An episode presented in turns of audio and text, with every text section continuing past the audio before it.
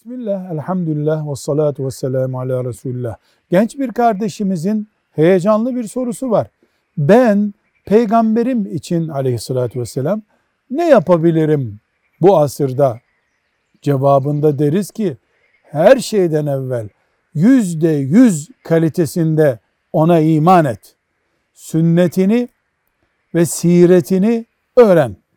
Sünnetinden günlük hayatına aktarmak için projeler yap ve asla hiç kimseyle onun sünnetini tartışma.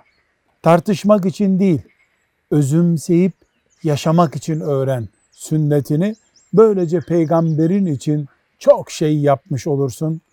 Allah'ın izniyle o da senin için kıyamet günü bir şey yapar ve seni şefaatine eren kulların arasında görür.